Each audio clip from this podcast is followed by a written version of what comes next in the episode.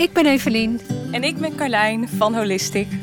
En het leek ons leuk om binnen ons energiepakket iets meer te vertellen over onze eigen visie op energie. Want inmiddels runnen we het grootste holistische platform van Nederland al zes jaar. En dat geeft een goed beeld van artikelen die veel worden aangeklikt. Nou, en wat wij hebben gezien is dat artikelen over vermoeidheid en burn-out in de top 10 staan van de best gelezen artikelen op onze site. En dat geeft te denken. Het was voor ons een reden om het onderwerp vermoeidheid verder uit te diepen. Samen met een aantal experts, waaronder psycholoog Thijs, waarmee we straks in gesprek gaan. Maar eerst delen we vijf holistische geheimen over onze eigen energievoorraad. Want ook voor ons persoonlijk is energie een hot topic. Want wat niet veel mensen weten is dat we holistisch met een piepklein team runnen. Dat betekent dat we zeven dagen per week met ons platform bezig zijn. Ook s'avonds en in het weekend. En toch heeft geen van ons beiden ooit een burn-out gekregen. Nee, maar even geen burn-out. Maar wel. moe zijn we wel. Af moe zijn we wel zeker vaak geweest. Maar ook wel getest. Toen hadden we allebei Fiverr, weet je nog? Ja, maar dat is denk ik een jaar of tien geleden. Toen gingen wij samen op een persreis naar Turkije. En uh, normaal gesproken zijn persreizen heel leuk. Alleen was deze persreis minder leuk, omdat we allebei bekken af waren en ons eigenlijk door de dagen heen sleepten. En het liefst al om acht uur in ons bed lagen. En eenmaal thuis besloten we om toch maar eens een bloedtest te laten uitvoeren door de huisarts.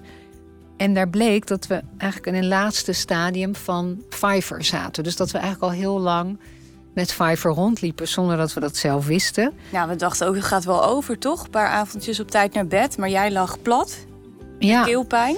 Maar ja, dan denk je ook, het gaat wel over. Nou ja, eigenlijk realiseerden we ons toen dat we eigenlijk al een hele lange periode moe waren, maar ehm, daar helemaal niet op hebben geanticipeerd. En dat brengt ons eigenlijk bij het eerste holistische geheim van onze energie. En nou, dat is. Daar gaan we er in elk geval vijf van delen. Daar gaan we er vijf van delen, ja. En dit, dit is de eerste. En dat kan ook bijna niet anders op een holistisch platform dan dat is luister naar je lichaam. Want uiteindelijk weet je lichaam vaak veel meer dan je geest. En, uh, maar vinden we het moeilijk om naar de signalen van ons lijf te luisteren. We zitten de hele dag in ons hoofd, dat hebben wij ook. En meestal merk je pas na een hele lange tijd dat je eigenlijk al heel lang pijn in je rug hebt. Of dat je al heel lang huiduitslag hebt. Of dat je al heel lang elke week een paar huilbuien hebt. En die signalen van ons lichaam negeren we.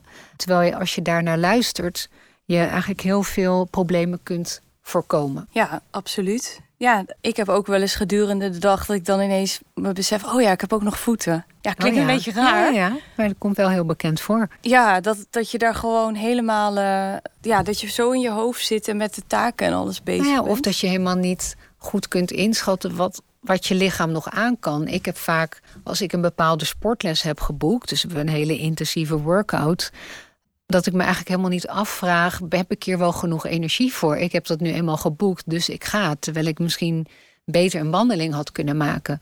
Dus je kan, als je beter wil leren luisteren naar je lichaam, dan zijn dit eigenlijk hele concrete dingen waarmee je aan de slag kan gaan. Dus je kan elke dag, wat ik doe, is even bewust een moment nemen om in te checken bij mijn eigen lichaam. Dan ga ik echt even voor zitten, kijken hoe ik me voel. Denk ik na over de afspraken die ik op een dag heb of die ik s'avonds heb. En probeer ik in te schatten wat op dat moment haalbaar is voor mij. En 9 van de 10 keer kan ik alles laten doorgaan, maar soms ook niet. En dan zeg ik het ook af. En heb je dan wel eens hoofdpijn of dat je merkt dat je adem hoog zit? Ja, dat laatste vooral. Hoofdpijn heb ik niet echt, maar hoge adem, ja, daar merk ik het aan, ja. Ja.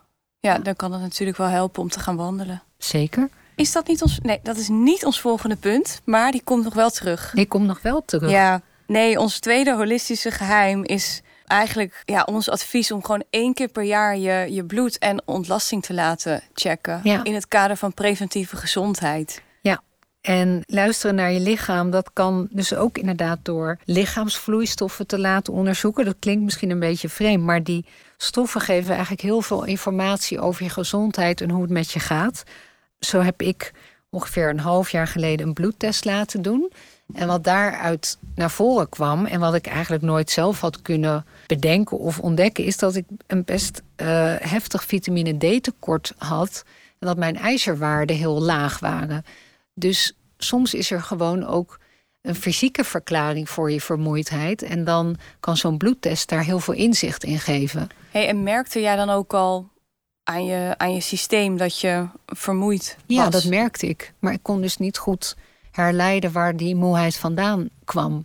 En dat bloedonderzoek heeft me heel veel informatie gegeven. Het kan ook zijn dat als je zo'n onderzoek doet dat er niks uitkomt, maar dan weet je dat ook. Dan weet je in ieder geval. Dat dingen, kan je dingen uitsluiten? Kan je dingen uitsluiten. Hetzelfde geldt voor een ontlastingsonderzoek. Dat is iets wat ik ook zou adviseren om één keer per jaar te doen. Daar kun je ook heel veel informatie uithalen. Of je bijvoorbeeld bepaalde ontstekingen hebt in je lichaam. Want dat haal je eigenlijk allemaal uit je darmmicrobioom. Uh, dat was volgens mij bij jou het geval. Ja, ja, zeker. Dus ik ben nu ook bang voor van alles en nog wat. nou, dat moet je nou niet zijn. Daar krijg je dan weer stress van. Oh ja, precies. Maar er is wel een heel duidelijk verband tussen de gezondheid van je darmen en de gezondheid van je hele lichaam. Daar uh, hebben we in het dossier ook heel veel informatie over van dokter Anne Vlek. Dus daar gaan we nu niet dieper op in. Maar als we je één goede tip mogen geven, laat in ieder geval één keer per jaar je bloed en als het even kan ook je ontlasting checken. checken. Ja, ik vind vermoeidheid soms ja, iets om echt te, vast te kunnen grijpen, omdat, ik, omdat je niet echt een heel duidelijk eikpunt hebt of een lijn waar, mhm. waarvan je wat je makkelijk kunt meten, omdat het zo'n ja, complex, complexe klacht eigenlijk is. Ja, het kan natuurlijk heel veel verschillende oorzaken hebben. Het is eigenlijk altijd een individuele puzzel om uit te zoeken waar jouw vermoeidheid vandaan komt. En kijk, af en toe moe zijn is heel normaal. En dan hoeven er niet meteen allerlei alarmbellen te gaan rinkelen. Maar als je heel vaak en heel lang moe bent, dan denk ik dat het wel belangrijk is dat je gewoon wat dieper in de oorzaken gaat duiken. En niet alleen maar symptomen bestrijdt.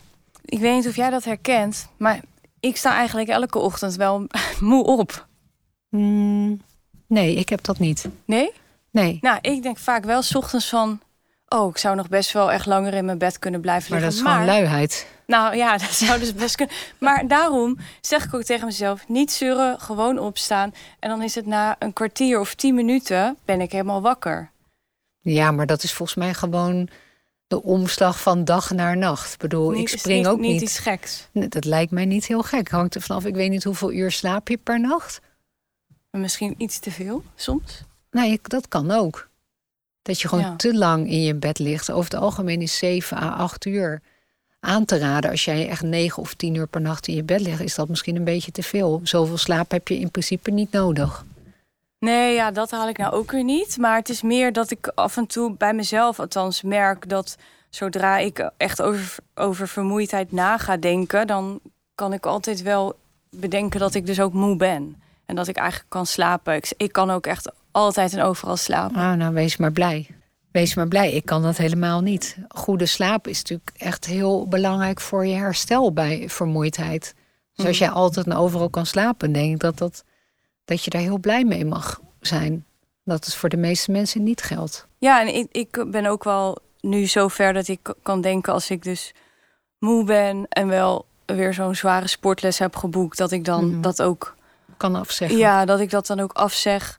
En meestal is er dan bij mij ook wel, ja, als ik niet ongesteld hoef te worden, dan mhm. is er ook wel iets in, de, in het mentale stuk van vermoeidheid of dat of zoiets aan de hand. Want dan, dan moet ik ook echt meer tijd alleen zijn. En dan kan ik wel weer begrijpen waar het vandaan komt. Maar ja, ik ben mijn briefje kwijt. Ja, dat dacht ik al. Ik niet, gelukkig. Want dat brengt ons bij de derde tip, die ik wel voor mijn neus heb. En dat is, het lijkt misschien een open deur, maar het werkt voor ons altijd. En dat is gaan wandelen. En dat doen we heel vaak uh, samen in het Vondelpark. Vaak als de dag nog moet beginnen. Het menselijk lichaam is namelijk gebouwd om te bewegen en niet om op de bank te liggen. En jij gaf gisteren een heel leuk voorbeeld van Diederik Gommers.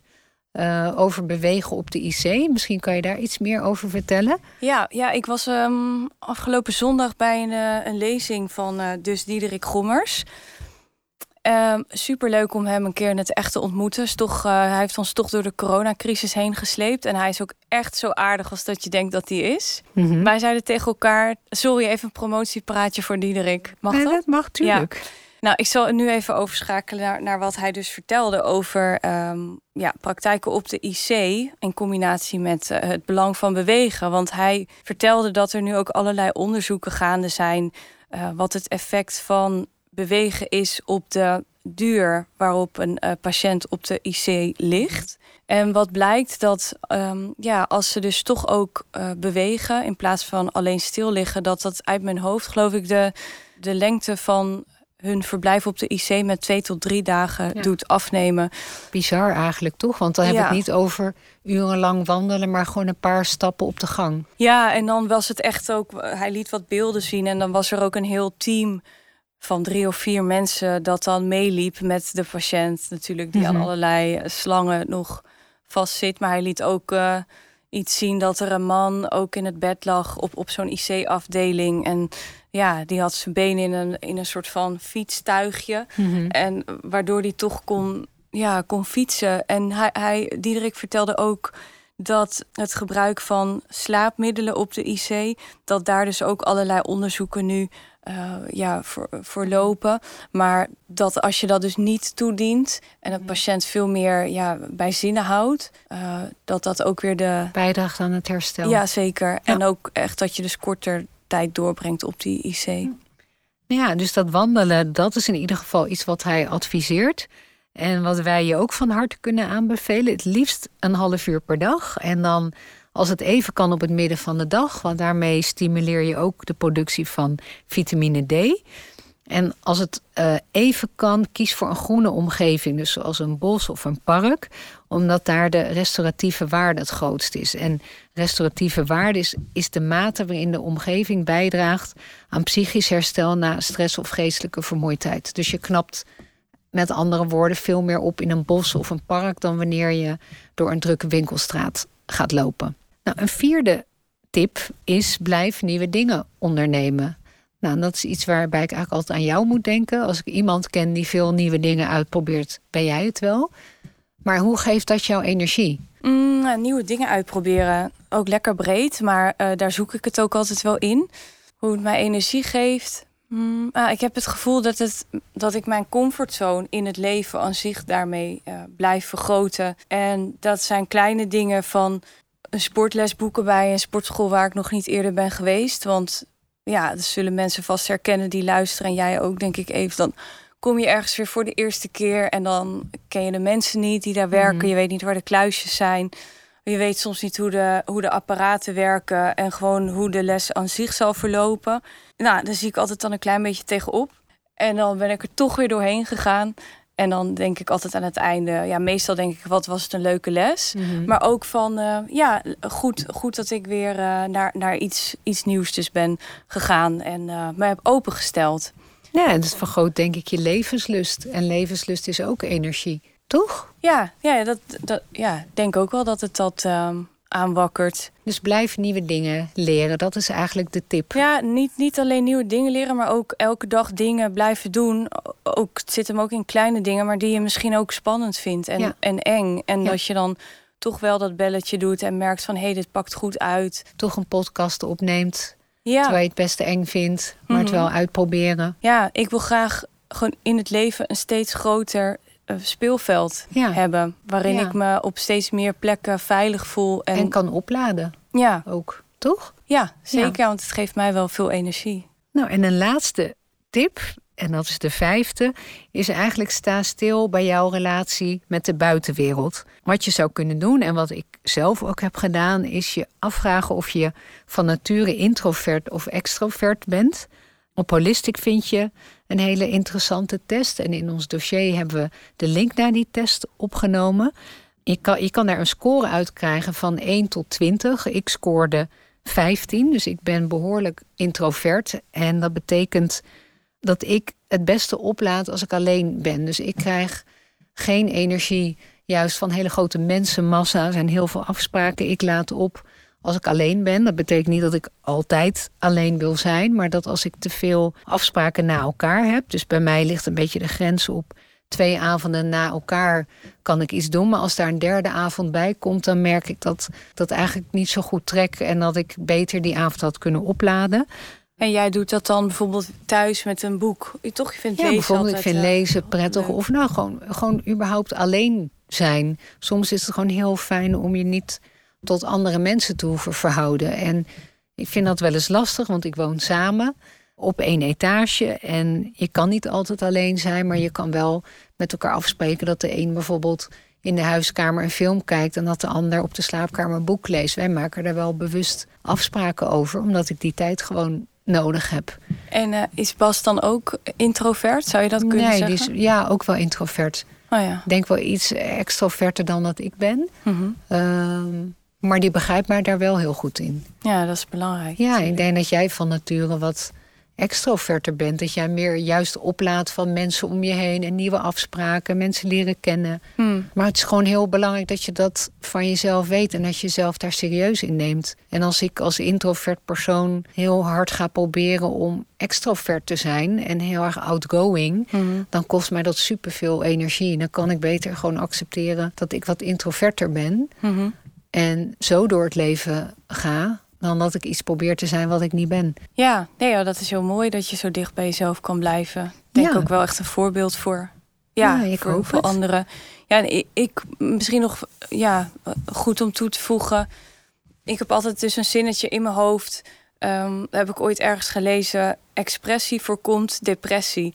Dus nou, mooi. ja, dus ik, ik praktiseer dat ook wel echt zelf. Dus als ik niet lekker in mijn vel zit of dat ik dus moe of lusteloos ben, dan ga ik dus ook wel eens met jou, maar naar zo'n sportlesje waar we een soort van gaan dansen. Hmm. Of ik ga, ga in elk geval iets doen wat op een bepaalde manier mijn eh, vrolijkheid eh, stimuleert. Stimuleert. Ja, waar, waar, waar ik dan om moet lachen, soms ook gewoon alleen met mezelf. Ja. Denk ik, oh, wat, wat ben ik hier nou weer aan het doen? Leuke verhalen weer morgen voor, eh, voor Eve op kantoor. maar dan, ehm, dan heb ik wel weer iets meegemaakt en, en uiting gegeven Mhm. aan, eh, ja, aan wat er dan in mijn binnenwereld leeft. Maar uiting gegeven op een ja, fysieke manier. Dus eigenlijk ook met koken of eh, Ja. dat soort dingen. Ehm, nou ja, gingen er snel doorheen, hè? Gingen er snel doorheen. Ja, dit, dit waren dus onze holistische tips voor meer energie. Ik ben eigenlijk echt ook heel benieuwd of, of mensen hier nog aanvullingen op hebben. Mocht je die hebben, stuur ons een berichtje via Instagram, holisticnl. Dat Mhm. vinden we echt heel erg leuk om terug te horen. Uh, wij hebben nog wel heel veel andere vragen over het thema vermoeidheid, burn-outs en stress. Want we zien dat heel veel mensen in onze omgeving uh, daaronder lijden. En daarom schakelen we nu over naar uh, psycholoog Thijs Launsbach. En hij gaat ons dus in een driedelige mini-cursus alles vertellen over de psychologie achter die vermoeidheid. Oh, ik ben wel echt heel nieuwsgierig. Jij? Me too. Zeker weten. Dus blijf vooral luisteren.